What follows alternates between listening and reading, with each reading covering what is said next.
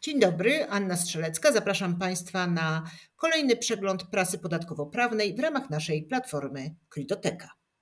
Jak donosi dziennik Gazeta Prawna z 22 kwietnia, rekordzista wypełnił deklarację PIT w 32 sekundy.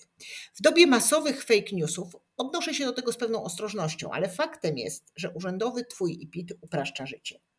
Nie zamierzam Państwa oczywiście namawiać do uczestnictwa w Mistrzostwach Polski w wypełnianiu pitów na czas, natomiast zasadnym jest zapoznanie się z tą aplikacją, jeśli jeszcze Państwo tego nie zrobili. Pewnie Państwo zrobili, bo statystyki wskazują ogromne zainteresowanie tym systemem, do którego możemy zalogować się przez profil zaufany lub e-dowód lub bankowość elektroniczną za pośrednictwem aplikacji M-Obywatel lub też za pośrednictwem danych podatkowych. Oczywiście nie wszyscy mogą rozliczyć się za pomocą tego systemu. Y, takim wyjątkiem jest na przykład sytuacja, w której przedsiębiorca rozlicza się y, za pomocą podatku liniowego. Z ciekawostek zwracam uwagę, że dowolnie możemy wybrać w, tym, y, w tej aplikacji organizację pożytku publicznego. Domyślnie system wskaże nam tę organizację, której podarowaliśmy 1% w zeszłym roku, ale Państwo sami mogą to zmienić. Y, to jest pewna różnica w stosunku do wielu aplikacji komercyjnych do wypełniania PIT-ów, które y, tę organizację pożytku publicznego narzucają. Gdyby Państwo pobili rekord w wypełnianiu PIT, zapraszam do kontaktu y, za pośrednictwem Krytoteki. Ogłosimy to w następnej prasówce, w którejś z następnych. Jak donosi Rzeczpospolita y, z 21 kwietnia, dyrektor Krajowej Izby Skarbowej po raz kolejny przypomniał starą zasadę, że jeśli nie ma kosztu, to nie ma przychodu.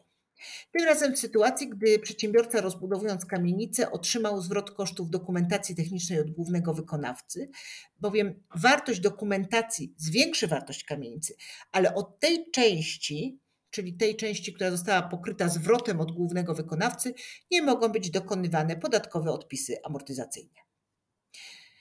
Nieuchronnie nadciąga Slim VAT 3, który niesie w sobie zmiany dotyczące m.in. dokonywania korekt podatku naliczonego, zniesienia obowiązku odrębnego wystawiania faktury zaliczkowej, jeżeli podatnik otrzyma całość lub część zapłaty z tytułu zaliczki w tym samym okresie rozliczeniowym, w którym powstał obowiązek podatkowy, a także zasad rozliczania VAT w obrocie międzynarodowym w zakresie WNT. O tym ostatnim znajdą Państwo więcej w dzienniku Gazeta Prawna z 21 kwietnia 2022. I na koniec informacja z zakresu prawa pracy. Jak donosi dziennik Gazeta Prawna z 21 kwietnia, warunki umowy o pracę nie muszą być potwierdzone przez pracodawcę na piśmie. Niezachowanie formy pisemnej nie czyni umowy o pracę nieważną, a do zawarcia umowy o pracę może dojść w sposób dorozumiany i niezachowanie formy pisemnej nie powoduje jej nieważności. Więcej o tym w artykule Marcina Staneckiego.